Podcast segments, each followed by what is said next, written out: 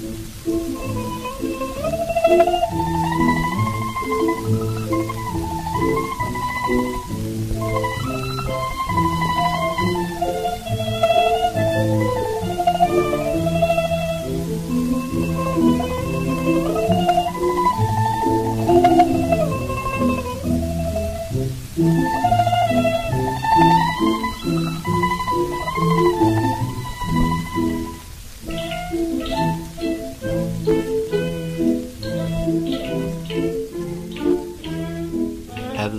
Heimsækir gravreit í Japan eða röltir eftir skóarstíg eða jafnvel bara keirir meðfram þjóðveginum þá er ekki ólíklegt að þú sjáur einhver staðar, kannski í vegkantinum, sérkennilegar stittur í rauðum fötum.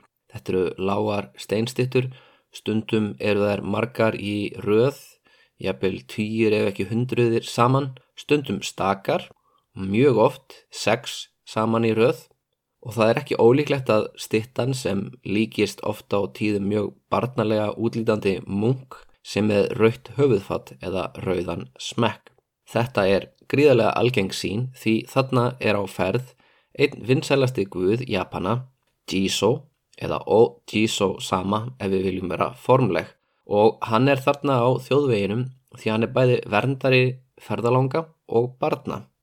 Það er talið að Jiso sé sérstakur verndari barna sem látast í móðurkviði eða deyja svo ung að þau hafa ekki áunnið sér það karma sem þarf til að koma til paradísar. Það er hægt að byggja til Jiso líka um góða og örga fæðingu og ekki óalgengt að honum sjöfærðar fórnir eða þakklætisvottur frá fóreldrum langveikra barna í vonum að hann hjálpi börnum þeirra. En mér finnst hlutverk hans í helviti sérstaklega aðteglisvert því þar segi þjóðsagan að hann finni sáleir barna og á meðan púkarnir í helviti pinta aðra laumast Jiso framhjáðum og felur börnin undir rauðum kublinum og þannig laumar hann þeim framhjá landamæra eftirlitinu og inn í paradís.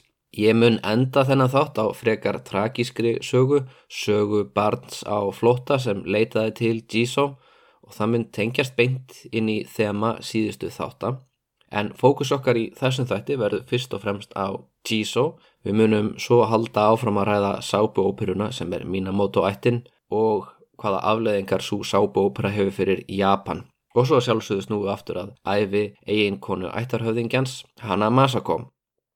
En aftur að Jiso. Jiso er það sem Japanir kalla Bosatsu og við á Vesturlöndum köllum Bodhisattva og nokkuð sem ég hef stundum þýtt í þessum þáttum mjög ónákamlega sem bútískur guð eða bútískur dýrlingum í, í hinn og þessu samengi. Bodhisattva er einfallega manneskja sem hefur öðlast uppljómun. Eh, það er að segja grunn skilgreiningin. Hún eh, er manneskja sem hefur náð því stíi skilnings og hreinleika og hún getur sagt skilið við ringarás eilífrar endurfæðingar, stokkið af þessu hjóli freystinga og þjáninga og öðlast nirvana. Hún þarf sem sagt ekki að fæðast eftir í mennskum líkama eða að fara til helvitis eða að fara til paradísar. Hún getur haldið áfram yfir á næsta stig. En sögum samúðar gagvart restina mannkininu sem er enn fast í henni stóru tál sín þá kýs Bodhisattva að gera það ekki. Þessi stað endurfæðist hann eða hún aftur og aftur svo hán geti hjálpað okkur hinnum að öðlast uppljómun.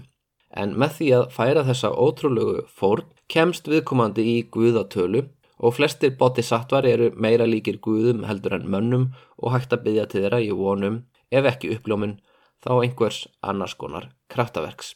Dæmigerð Jiso stitta er sköllótu munkur með barnalegt andlit. Hann heldur ofta á staf sem nefnist Shakujo, gimstein sem nefnist Hoju og er með mildilegan svip, stundum í rauðri sundu eða með rauðan hatt og oft eru sex stittur saman til að tákna tilvistastíðin sex í bútisma. Kyn og kyngerfi Jiso er samt frekar órætt líkt og hjá hinum vinsælasta bodhisattva Asju, hán Kannon.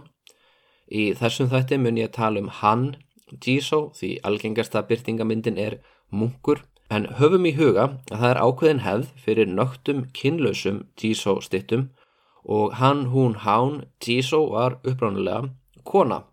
Það er að segja eins og hún kemur fyrst fram í Kishiti Garba sútrunu sem dóttir Brahmins á Indlandi.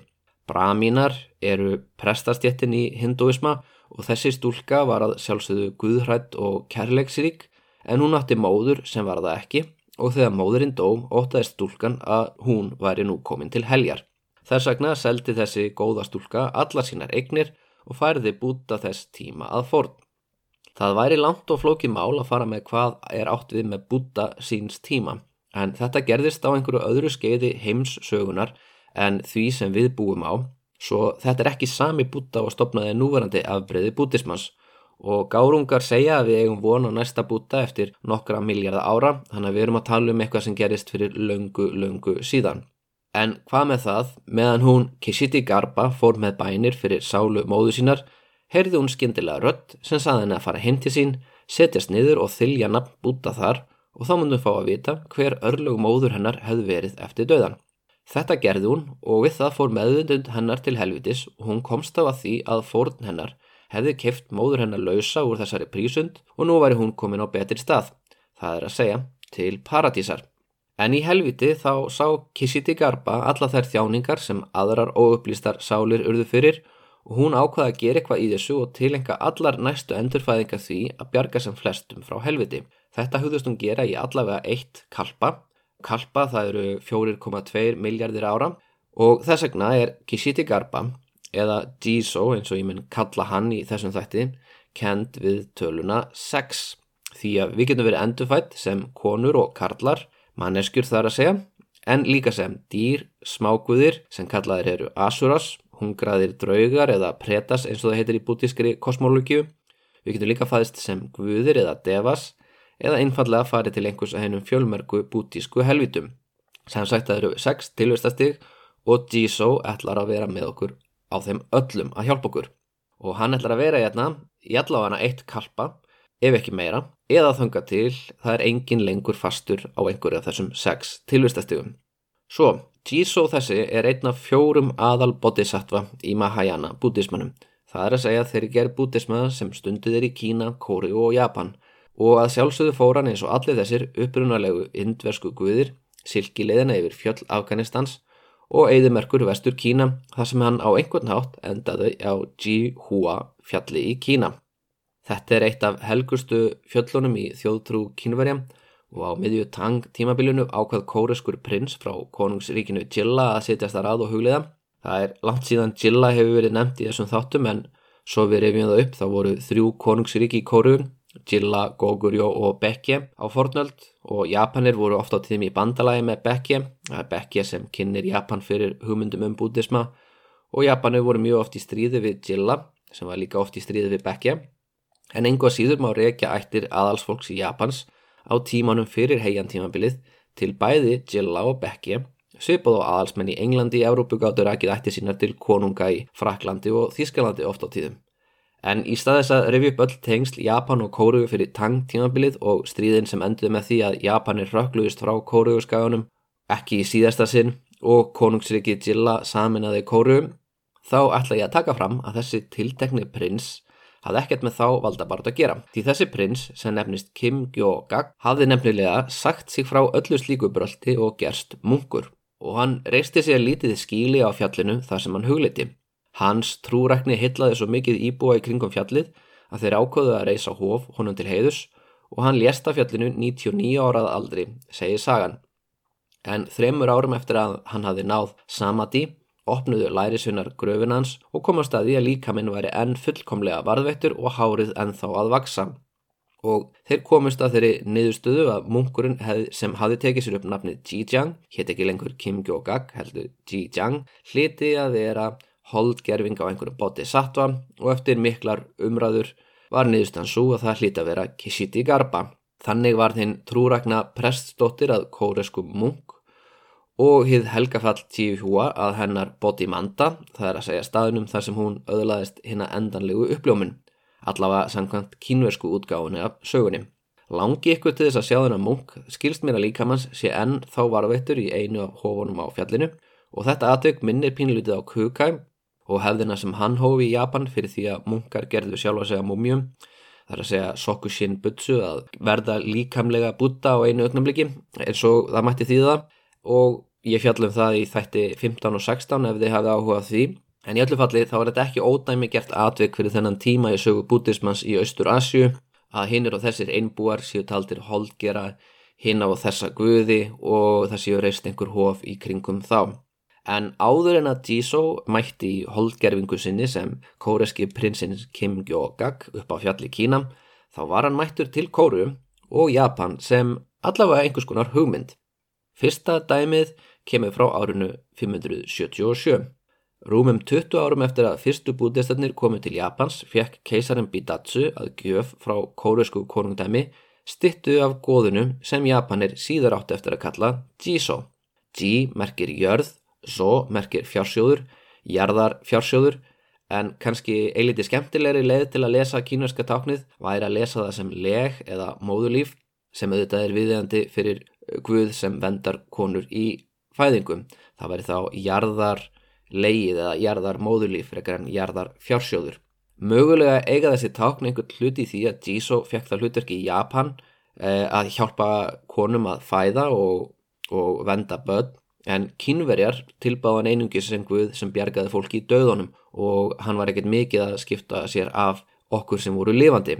En allavega, þessari gjöf, þessari mynd eða líkneski sem var gefin Bidatsu hennu var frekar illa sóað því Bidatsu var í liði með anti-bútista fylkingunni sem Nakatomi og Mononobe ættbólkarnir leittu og hann hafði illan bifur á Sokan og Umako og þeim meðlumum keisarættareinar sem voru giftir inn í Soka ættbólkin og þar með hlindir bútisma. Ef þið viljið vita meir um þessa valdabartu þá getið þið tjekkað á þætti nr. 9. Ég endur segi þetta bara hérna í mjög stöttum máli. Á yfirborðinu voru þetta trúalega deilur en auðvitað undir niðri var bláköld hagsmuna baróta þar sem Nagatomi og Mononobe ættirnar þær ráku hóf og réttlættu völd sín út frá guðunum sem þeir söðust ákomendur af sem voru innlendir guðir, alveg eins og keisarættin gerði. Ólíkt þeim þá var Soka-ættin fyrst og fremst máttu út af tengslun sinu við Kóru og virtist helst vilja gera Japan sem líkast með einlandinu en það sennilega upprunnulega kóriskir kaupmenn allavega kannski aðalsmenn eða eitthvað. Við vitum það ekki alveg nákvæmlega. En í öllu falli soka menn þeir vinna á endanum og, og Japan verður bútist land og þetta blandast auðvitað allt saman. En þegar bólusóttarfaraldur braust út í Japan þá kendi fylking innlenduguðana bútistunum um og riðist gegn þeim. En það fór þó ekki betur en svo að Bidatsu sjálfur létt lífið og það opnaði leiðina fyrir fyrsta bútíska keisran í hásettið og þar með fyrir bodisöttum á borð við Tísom Japani í kringum árið 600 er mjög vanþróða land í samanbyrðu við Kína og Kóru. Þetta er landa sem flestir íbúar búa í litlum þorpum með fram strandlínunni, lifa á hrískronarækt, sjómennsku og veiðum. Þetta er ættbólkarsamfélag þar sem máttuasti ættbólkurinn stýrir mestum hluta landsins í bandalagi með öðrum ættbólkum en í raun og veru er það sem skiptir aðalmáli fyrir þorpsbúan bara hvað þorpshöfðingin er að segja og gera. Þetta er land sem er ekki með sameinlegan geldmiðil og fólk trúir á guðina sem búa í nágrenninum, í skójunum, í fljótunum, í fjallinum. En þegar bútismin kemur inn í þetta land, þá kemur hann með stittur úr indverskum sandalviði, ilmandi kínversku reykjelsi, umvafin í silki og með stórar og miklar bókróllur skrifandi á framandi tungumál frá Norður Indlandi og Kína. Það er að segja að þetta er allt öðruvísi guður heldur en þessir lokal guðir, mjög framandi og, og þetta er ekki einhverjar atna, myndir hognar í, í steina eða tré í nágrenninu, þetta er eitthvað sem er innflutt og já, ilmar öðruvísi er, er með undalugum táknum og fólkið sem er að stunda þetta talar eitthvað, eitthvað, eitthvað förðum mál.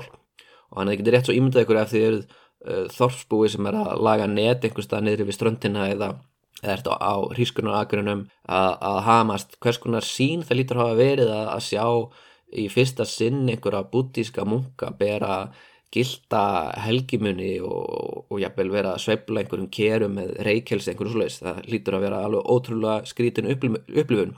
Og skiljanlega Það var bútismin í fyrstu trúabröð elitunar en Jisoo hann var fljótur að finna sér stað í þjóðtrúni því að þó svo hann hefði hlutverk í svona dullmögnuðum og floknum aðtöfnum Tendai og Shingon söfnuðinina sem innvíðu gömlu aðalsættirnir og nýju keisarættina inn í sínar launhelgar þá var Jisoo einnig aðgengilegur í sínum einfallleika.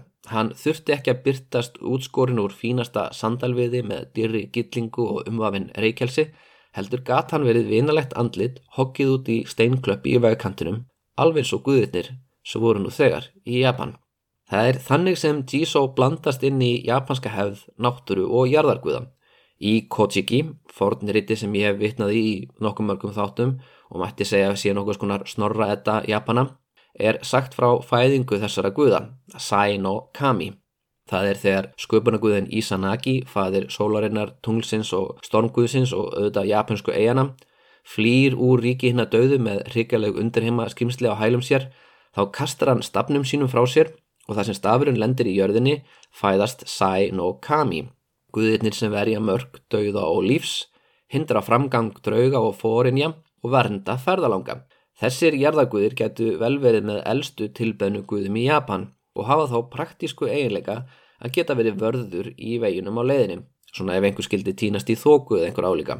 Það eru ótal nöfn á þessa fornu guði, Do Sojin til dæmis, Do þýði vegur, So forfæðir Jin guð, einhvers konar forfæðra vega guð. Og líka einfallega Shakujin sem þýðir stein guð. Þessir minni áttar vendaguðir með andlit hokkin í steina vilja ferðalungum vel. Og sumir þeirra sem eru bísna falískir eða tippalaga, svo ég noti nú aðeins íslenskara mál, e, dobla sem frjósemisguðir og eiga að gera hvað? Jú, auðvelda fæðingar og annað slíkt. Pass upp á ferðalanga og auðvelda fæðingar og mögulega átti sér stað einhver rugglingur þegar Jiso mætti til Japans. Í Kína hafði hann fyrst og fremst verið tilbyðin vegna þess að hann bjargaði fólki úr helviti og það var auðvelt í kjölfariða tilbyðan sem vendara, ferðalanga og pílagríma. En trúabröði Japan hafa oft á tíðum frekar tilhengu til að vera meira upptekin af lífinu heldur en dauðanum og því var Jiso fengin í það eins og önnur vendagóð í að hjálpa til við svona praktiska hluti eins og að lifa af, af fæðingu, passa upp á að börn Eh, ná að vaks úr grasi og sjá um hinn og þessi erindi. Og strax á sjöndöld þá var Sjótoku prins farin að reysa hóf til dýrðar Jiso. Sjótoku var trúrækin meðlemur keisarafjölskyndunar með móður úr henni bútísku sokaætt og hafi lært allan sinni fróðuleik af kóresku munkum og fræðimönnum. En öld síðar á naratímanum var það annar kóreskur munkur undir nafninu Gyogi sem átti þátti að gera Jiso að vinsælum vætti hjá alþýðinni og að mínum matið hef ég ekki fjallað nægilega um hann Gjóki í fyrir þáttum. Ég hefði kannski átt að gefa hann sér þátt á sínum tíma en það verður bara að hafa það. Gjóki hefði geta verið maður sem naut virðingar elitunar og livði þægilegu lífi hann hafði jú mentunina til þess og, og það var eftirsótt að, að fá munka sem kunna að lesa þessi erlendu tungumál til að kenna fólki svo það næði jú uppljómun og allt þetta en hann predikaði mikið fyrir alþýðunni og það gerði hann óvinsælan hjá ráðamönnum sem letu meira sig að reyka hann í útlegð á tímabili. Enn á nýsetti bólusóttafaraldur stryk í reikningin. Þetta er annar bólusóttafaraldur en sá sem Draban Bidatsu því þetta er teimur öldum síðar og ég fjallaði reyndar um þann faraldur ágætla því hann þurkaði út einn þriðja af íbúum í keisaraveldinu og sannfæriði keisaran sjómu um að hann þyrti að eigða allir í landsframleyslinu í að reysa risavaksið bútalikneski úr skýra gulli í viðarbyggingu sem ennþann dag í dag er stærsta viðarbyggingi í heimi þó svo hún hafi verið reist á áttundöld. Hann bauð að sjálfsögðu hinnum trúrækna Gjóki aftur til höfuborgarinnar og senda hann meiri seg í sérstakka sendifur í hóf solgiðunar Amaterasu til að byggja um leifi fyrir öllu þessum framkvæmdum. Og Gjóki bað þar fyrir Japan og að meðan hann var að byggja þá átti keisarin sjálfur draum og taldi sig hafa orðið fyrir ofnbörun því í drauminum kom Giðjan til hans og sagði um að sólinn og Buddha væru eittið sama og því tilgangslöst að hafa ágjur keisararnir gætu hæglega sendt formáðu sinni solgiðunni og bútismannum á sama tíma. Þetta var svona svolítið bygg díla á þessum tíma hvernig maður svona samrýn er sint og bútisma en eftir nara tímabilið þá er svona komin ágættis jafnvægi þar sem þú getur vel verið bútisti og á sama tíma verið að sinna forfæðra guðunum og, og þetta blandast allt saman saman. En Gjóki þessi, hann hafði valdið elitur naratímans tölverðum áhyggjum og eflust ekki af ástæðu lausu því að hann ferðaðist um allt keisaradæmið og heilu þorpin tæmdust til að hlusta á predikanir hans. Það getur verið að fyrstu kortin af Japan, auk fyrstu manntalningarinnar síu verk hans auk þess sem hann gæti hafa fengið fylgjendur sínar til að reysa stíplur, vegi, vassveitur og fjölmörk hof. Ég segi gæti því að þetta eru þetta á áttundu öld og heimildir ekki svo áræðanlegar en hann verðist hafa farið fyrir fjöldarhefingu og nokkrum áratugum síðar þá tók annar bútisti, bútistinn Dogyo, völdin í Japan í stuttan tíma þegar dóttir Sjómu gerði þennan bútamunga forsætisráþra en það eru þetta út út úr því það sem skiptir okkur máli er að þessi vinsæli og umdeldi kóreski prestur ferðaðist um Japan og skar út Jiso stittur. Hann skarðar úr viði og hjóðar í stein og þannig breytist hefðin fyrir Jiso stittum út um allt hvert sem hann gjóki fór. Og sumastitturna sem hann bjóð til eru kendar við kraftaverk. Einn þjóðsagan segi frá því að þegar ræningar riðist á prest og voru í þann mynd að höggva höfuðið af honum þegar presturinn baða til Jiso að bjerga sér. Við það rótaðist presturinn og þegar hann rankaði við sér daginn eftir ákvaðan að þakka Jiso fyrir og sá þá að það vantaði höfuðið á Jiso stittunam. Þannig að Jiso fórnaði sér fyrir hann og þessi tiltekna stitta fekk viðunefnið Kubi Kirei Jiso. Það er að segja eh, Jiso sem hefur verið hálsökun eða höfuðlösi Jiso eða eitthvað svo leiðis en það eru reyndar nokkrar aðrar stittur með þetta viðunefni líka sem er mikilvægt að ruggla ekki saman. Það er til dæmis stór Jiso stitta í Enmeiji hofinu í Tókjó sem nefnist Kubikiri Jiso en hún er með höfuðið á sér. En hins vegar beint fyrir framann stittuna og edo tímanum var aftökupallur þar sem yfir nokkur hundra ára skeið um það byl 200.000 glæbamenn voru hálsóknir. Og með því síðasta sem þessir glæbamenn sáu var þessi Jiso stittaðanam sem var ætluð þeim til sáluhjálpar á síðustu metrónum. Það er líka til önnur þjóðsagum Kubi Kiri stittu sem segir frá Hermanni sem hjó óvart höfuðið af Jiso stittu í barda og það hafði svo slæm áhrif á karmað að það kviknaði í honum. En stöldum aðeins við þessa hugmyndum Jiso sem tegur á sig þjáningar fyrir annað fólk því hann vorkenni mannkyninu svo mikið. Þetta er algengt þema í sögum um Jiso og það eru til nafn yfir þetta hugtak. Það er að segja Mikavari Jiso svona, já, blóraböggulst dísó. Það er hægt að nutta þessa stittur á þeim stöðum þar sem þeir verkjar og þá mun verkurinn hverfa. Það er mjög algeng hugmynd. Meiri segja á ákveðnum tíma þá var til Shogun Jiso sem tók á sig þau sár sem herfóringjar urðu fyrir í átökum. Þannig að Jiso var á tímabili einhvers konar stríðskuð, jafnvel. Og svo eru til enn skriktnari Jiso stittur, til dæmis Shibarare Jiso, það er að segja bundin Jiso.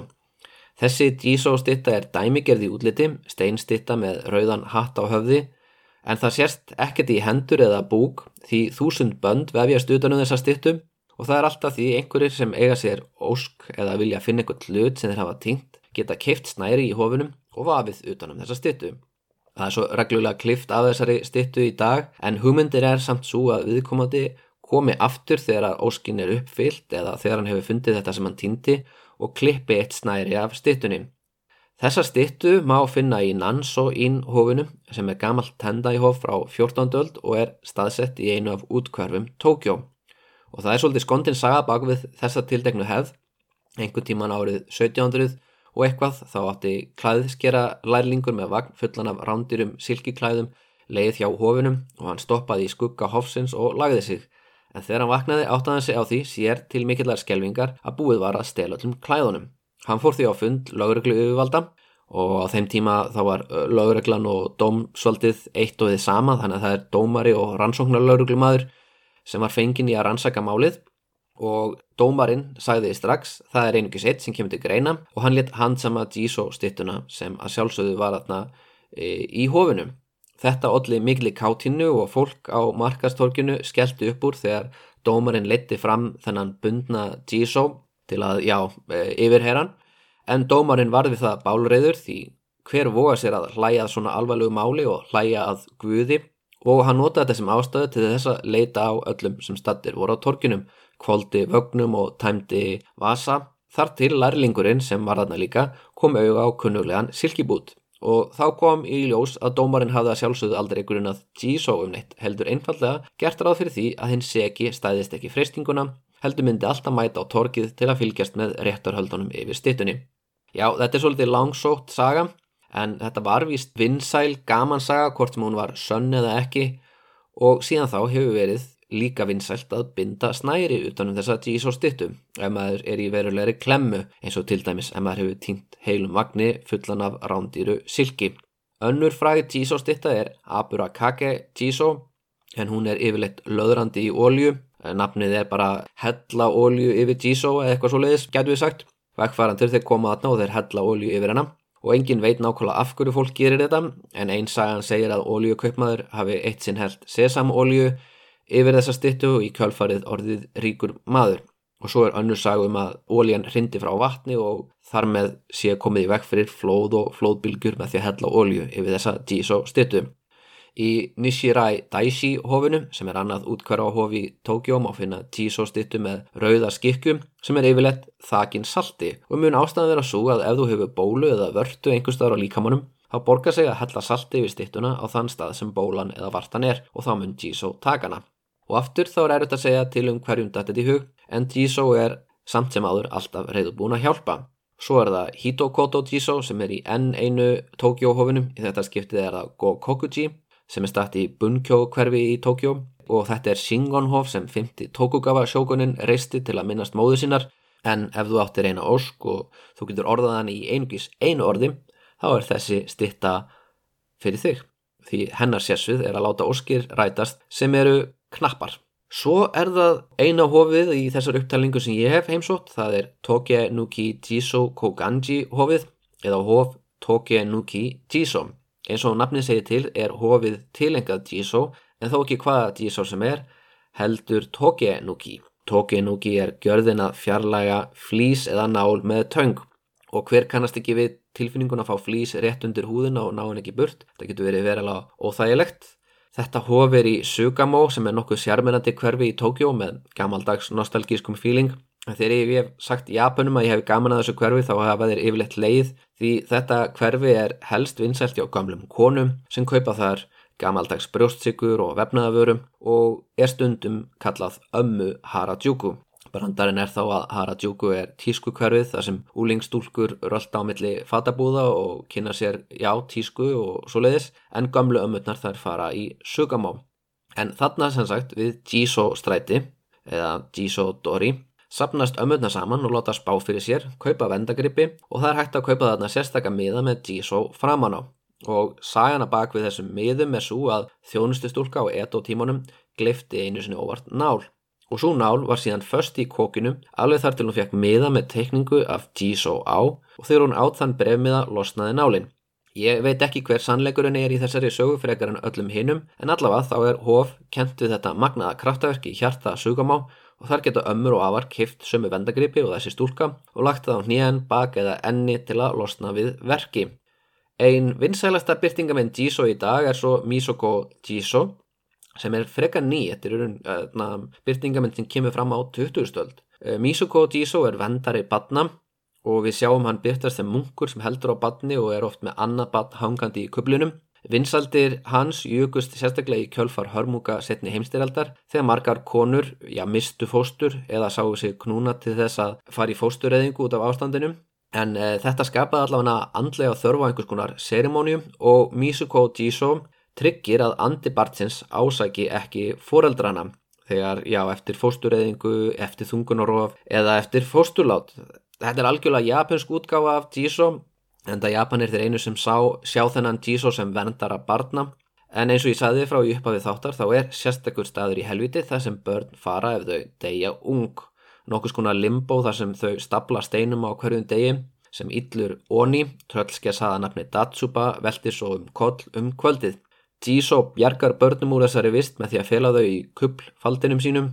En nú ætla ég að enda þessa þennan þátt á sögu um, um barna á flotta þar sem hann kemur fram sem vendari og já, er í raun ástæð þess að ég ákvaði að segja frá Jiso í þessum þætti. Ég var svona byrjaður að tróða þessari sögu inn í, inn í næsta þáttum hana Hojo Masako en ég byrjaði að útskýra hvað Jiso væri og svo sagði með mér, veistu Þetta verðskulda bara sér þátt við, við hlustendur sögu Japans þurfa bara að vita hvað Jiso er. Svo í framtíðinni þegar Jiso kemur fyrir í einhvern þætti, ég þurfa ekki að fara í mjög langa útskýringu. Heldur geti bara bentum á að hlusta á þátt nummer 39.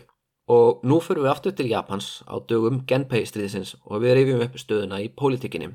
Minamoto no Yoritomo hafi myndað bandalög út um allt Japan og var að skapa nýtt pólitist kerfi með sig í þungamiðunum og sjáarþorpið Kamakura sem nýja höfuborg. Til að koma í vekk fyrir að Minamoto-ættin berðist innbyrðis um hver ætti að leiða anstöðuna við tæra, trúlofaði Yoritomo dóttur sína Ohime með sinni helsta keppinuta síns honum Yoshinaka. Eins og við munum þá eru þeir frændur Yoshinaka og Yoritomo þeir eiga sameinlan Ava í föðurætt en fadir hans Yoritomo tók einmitt þann Ava af lífi, tók sinn eigin föður af lífi og gerði sjálfan sig að ættarhöfði Minamoto ættarinnar. Og Yoshinaka spyr nokkuð réttilega hvort að það sé ekki svolítið skrítið að Yoritomo sé að erfa þennan titil sem var fengin með þessum hættim þegar jú, fadir hans Yoshinaka gerði nú ekkert slíkt En hér er Jóri Tómo og Yoshinaka, þeir börðust nú að vísu ekki bara um titla heldur um landamæri í norðaustuluta Japans. Þar til samkómulag náðist um að einbita sér frekar að tæra ættinni og það náðist þegar sonur Yoshinaka, hann Yoshitaka, var látin giftast Ohime. Og já, það er bara eitt stafur sem aðskilur þess að feðka að. Það er Yoshinaka og það er Yoshitaka, Naka og Taka og, og eins og allir í þessari mínamóta ætti að heita þeir Yoshi og eða Yori, það er Yori Tomo og Yori Ie sónur hans. Og svo er það Yoshitaka og Yoshinaka allavega, nú er ég búin að ruggla ykkur alveg rækilega í rímunum en það sem þið þurfuð að vita er að þess að tvær ættalinur Minamoto náðu aftur saman. Og það sem Yori Tomo átti ennþá engan svon þá gerði það Yoshitaka freka líklegan til að sitja uppi sem ættarhöfuð ættarinnar hvort sem er. Og Yoshitaka fór í fóstur til Kamakura. Það er haldin aðtöpp til að innsegla hjónaband hans 11 ára drengur og 6 ára stúlka eru þá þar með orðin einhvers konar hjón í augum uh, fólks en þau eru að sjálfsögðu ekki, ekki farin að gista saman eða eitthvað svoleiðis. En svo árið síðar breytist ímislegt. Eiginkona Yoritomo, hún Hojo Masako, hefur eignast dreng. Bróðir Yoritomo, hann Yoshitsune, leiðir hér til Kyoto og gerðsigrar stríðsmenn Yoshinaka. Yoshinaka deyir í orustu meðan hjákona hans Tomoe Gosen flýr til fjalla og allt í einu er Jóri Tómo óumdeildur leittói uppreysnarinnar og ekki nóg með það. Á innan við ári leiðir yngir bróður hans Heri Minamoto ættbálkins allarleið til Kyushu þar sem síðustu herrmenn tæraættarinnar drukna í sjónum á samt keisara sínum. Landi tæraættarinnar er skipt upp millir stuðningsmanna Jóri Tómo og Yoshitsune afhendir keisarættinni aftur krúnudjástin svo næsti keisari geti tekið við. Svo Jóri Tómo hefur núna ári síðar ekkert að gera með þennan 12 eða 13 ára Tengdarsson og hann ákveður að einfaldast og hreinlegast í stöðunni sé að taka drengin af lífi. Hann var voða lítið fyrir það að sína fólki miskun og hann er kannski svo, sjálfur svolítið gott dæmi um hvers vegna maður ætti ekki að sína börnum miskun. Á sínum tíma hafði lífi Jóri Tómas verið þyrnt að því hann var bara 13 ára gammal og hann í staðin sendur í útlægð og hvað letið það til? Jú, núna var hann um færtugt búin að sigra óvinnina sem hafði þyrnt honum og hann var ekki að fara að senda síni þeirri í einhverju útleið eins og hann hafi verið sendur í hann tók öll börn tæra atbálksins að lífi, þar að segja öll kallkinsbörn og hann ákomst þeirri niðurstuð að það veri líka best að gera það við són hans Yoshinaka því Yoritomo hafði jú setið þess að, að torti með honum Yoshinaka og þar að leiðandi gæti hann alltaf átt vona því að sonur hans myndi fyrir það síðast núast gegn sér. Sagan segir hins vegar á Hojo Masako sem væntalega hafði það hlutverk að passa upp á þennan dreng og, svona búan undir það hlutverk að vera hluti af þessari fjölskyldum hafi fundist þetta oflant gengið og hún klætti drengin í kvennmannshött og laumaðunum út úr Kamakura í skjóli nætur. Þessi drengur flúði svo langa leið, alla leið frá Kamakura til Saitama sem er kannski ekki svo langu tími í dag, maður þurfti að skipta um vagn nokkru sinnum að vísu á meðan maður færi gegnum Tókjó en sangant Google Maps tekur það svona um klukkutíma og 44 mínútur með almenningssamkungum og svona tæpa tvo tíma í bíl en þetta er tölverð fjallæði ef maður er fótgangandi. Svo ég tala nú ekki um ef maður er fótgangandi og þarf að fela sig fyrir samúræðum á hestbakki og það er hér sem Jiso stitta kemur inn í myndina. Vinsældir Jiso höfðu aukist jaft og þjætt yfir heiantíman og hann var mikið tilbeðin á konum emitt vegna þess að hann þótti góður vendavættur í fæðingum. En stríð og náttúruhamfarir hafa tilhengar til þess að fá fólk til að leita guðanam og er ekki þeirra ólíklegt að þó nokkuð marga dísostittur hafi sprottuð upp á tímum borgarastíðisins í vegkantinum og já bara út um allt eins og gorkúlur. Og eina slíka stittu má finna enn þann dag í dag, það er Kage Kakushi Jiso, það er að segja skuggafelu Jiso ef ég beinþýði það. En þessi stitta stendur á hotni tveggja gatna í bænum Sayama í Saitama fylki og bak við hana faldi hann Yoshi Takasi meðan rittararnir sem leituðu að honum ruku framjá. Þetta hefur verið talið eitt af fjölmörgum Jiso kraftaverkum í Japan. Þó sem ég veitum ekki alveg hversu mikið kraftaverk það er fyrir 12 ára bann að fjela sig fyrir ritturum á hraðferð í vegkanti. En þetta minnir mér svo litið á atriðið í, í hringadróttinsögu þegar hobbitarnir eru að fjela sig fyrir atna, ringvómonum, naskúlunum, sörtu rittarunum sem er að renna á ringnum. Þetta eru svona svipuð starðarhlutvöld, hobbiti á móti rittara. En allavega hann e, situr þarna bak við Jísó stittuna yfir nóttina og enginn kemur auða á hann þótt að það séu hermin út um allt að leita á hann. En að því sögðu þá er þetta ekki saga með farsælan endi því stuttur síðar Þegar Yoshitaka var uh, komin úr skjóli sínu var hann handsamaður og svo hálsökvin við fljótið í Roma. Ohime var hins vegar óhugandi. Hún hafði nú ekki þekkt Yoshitaka lengi, hún var gift honum 6 ára og orðin ekkja 7 ára en hún var greinlega bad með mikinn viljastyrk því hún fór í hungurverkvall og borðaði korkin eða drakk fyrir en fadir hennar gaf sig og létt taka samuræjan sem tók Yoshitaka af lífi, einnig af lífi sem verður að segjast eins og er, er ekki beinlinnis réttlæti því að þessi samuræi var að hlýða skipunum frá Yoritomo og ef einhver bar ábyrð á dauða þessa bars þá var það hinn verðandi sjógun en ekki einhver ómerkilugur samuræi. En allavega þetta vilist af að huggað óhíme nægilega til þess að hún færi að borða aftur. Móður hennar, hún Hojo Masako, létt reysa hóf til heiðurs Yoshitaka Þetta var ekki óalgengt á þessum tíma því hóf voru oft reist í þenn tilgangi að fríða anda þeirra sem hafi mögulega verið komið illa fram við í lifandi lífi. En kannski voru einhver lúmsk pólitísk skilabóði í þessu hófi samt sem áður, einhvers konar fordæming, það er erfitt að segja til um það. En hófið mun allavega hafa staðið fram á 14. öld þar til það eðilaðist í flóði árið 1402 og því miður þá ætla ég að eðilega þessa, þessa ansið góðu sögu með því að ofinbera að þó svo þessi hægt að fara til Sayama og finna stittu ég meirins að búin að nota Google Maps í það líka, ég fór og fann þessa stittuinn á Google Maps og upplýsingarskiltið við liðin á því þá er hún ekki alveg eins og svo stitta sem stóð í vægkantinn á árið 1185 þegar Yoshitaka faldi þessi bakveðana því að upprunlega stittan var úr viði og hún var eigðilöð í andbútískum uppþótum í kringum árið 1870 síðar var steinstitta reist á cirka sama stað á samt þessu upplýsingarskilti sem sagt það er ekkert að heimsækja Kage Kakushi Jiso en þið verður bara að vita það að þetta er stitta frá lokum 19. aldar ekki frá árinu 1180 en samt sem aður falla þetta bæjarfélagið skuli minnast þess að 12 ára drengs sem fekk ekki sama séns og Jörutomo fekk til að hefna síns föðurs.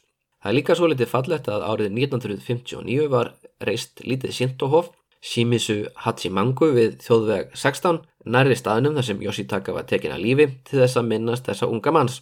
Það er að sjálfsögðu Hachiman hof þar sem Hachiman er vendagóð Minamoto ættarinnar sem bæði Yoritomo og Yoshitaka tilherðum. Þetta er auðvitað mjög lítið hof og ég efast um að það sé atna, mikil starfsemi í því en, en það stendur þarna samt og ef þið keirið eftir þjóðveginum þá skulið þið reyna að koma auðvitað á. Nú, hvað gerir Yoritomo svo þegar hann hefur dóttur sem hann getur trúlofað aftur? Hann gerir það sem valdamestu menn Japans verðast alltaf reyna að gera til að skapa stjórn sinni lögmati. Það er að segja hann reynir að gifta hana inn í keisarafjölskyttunum.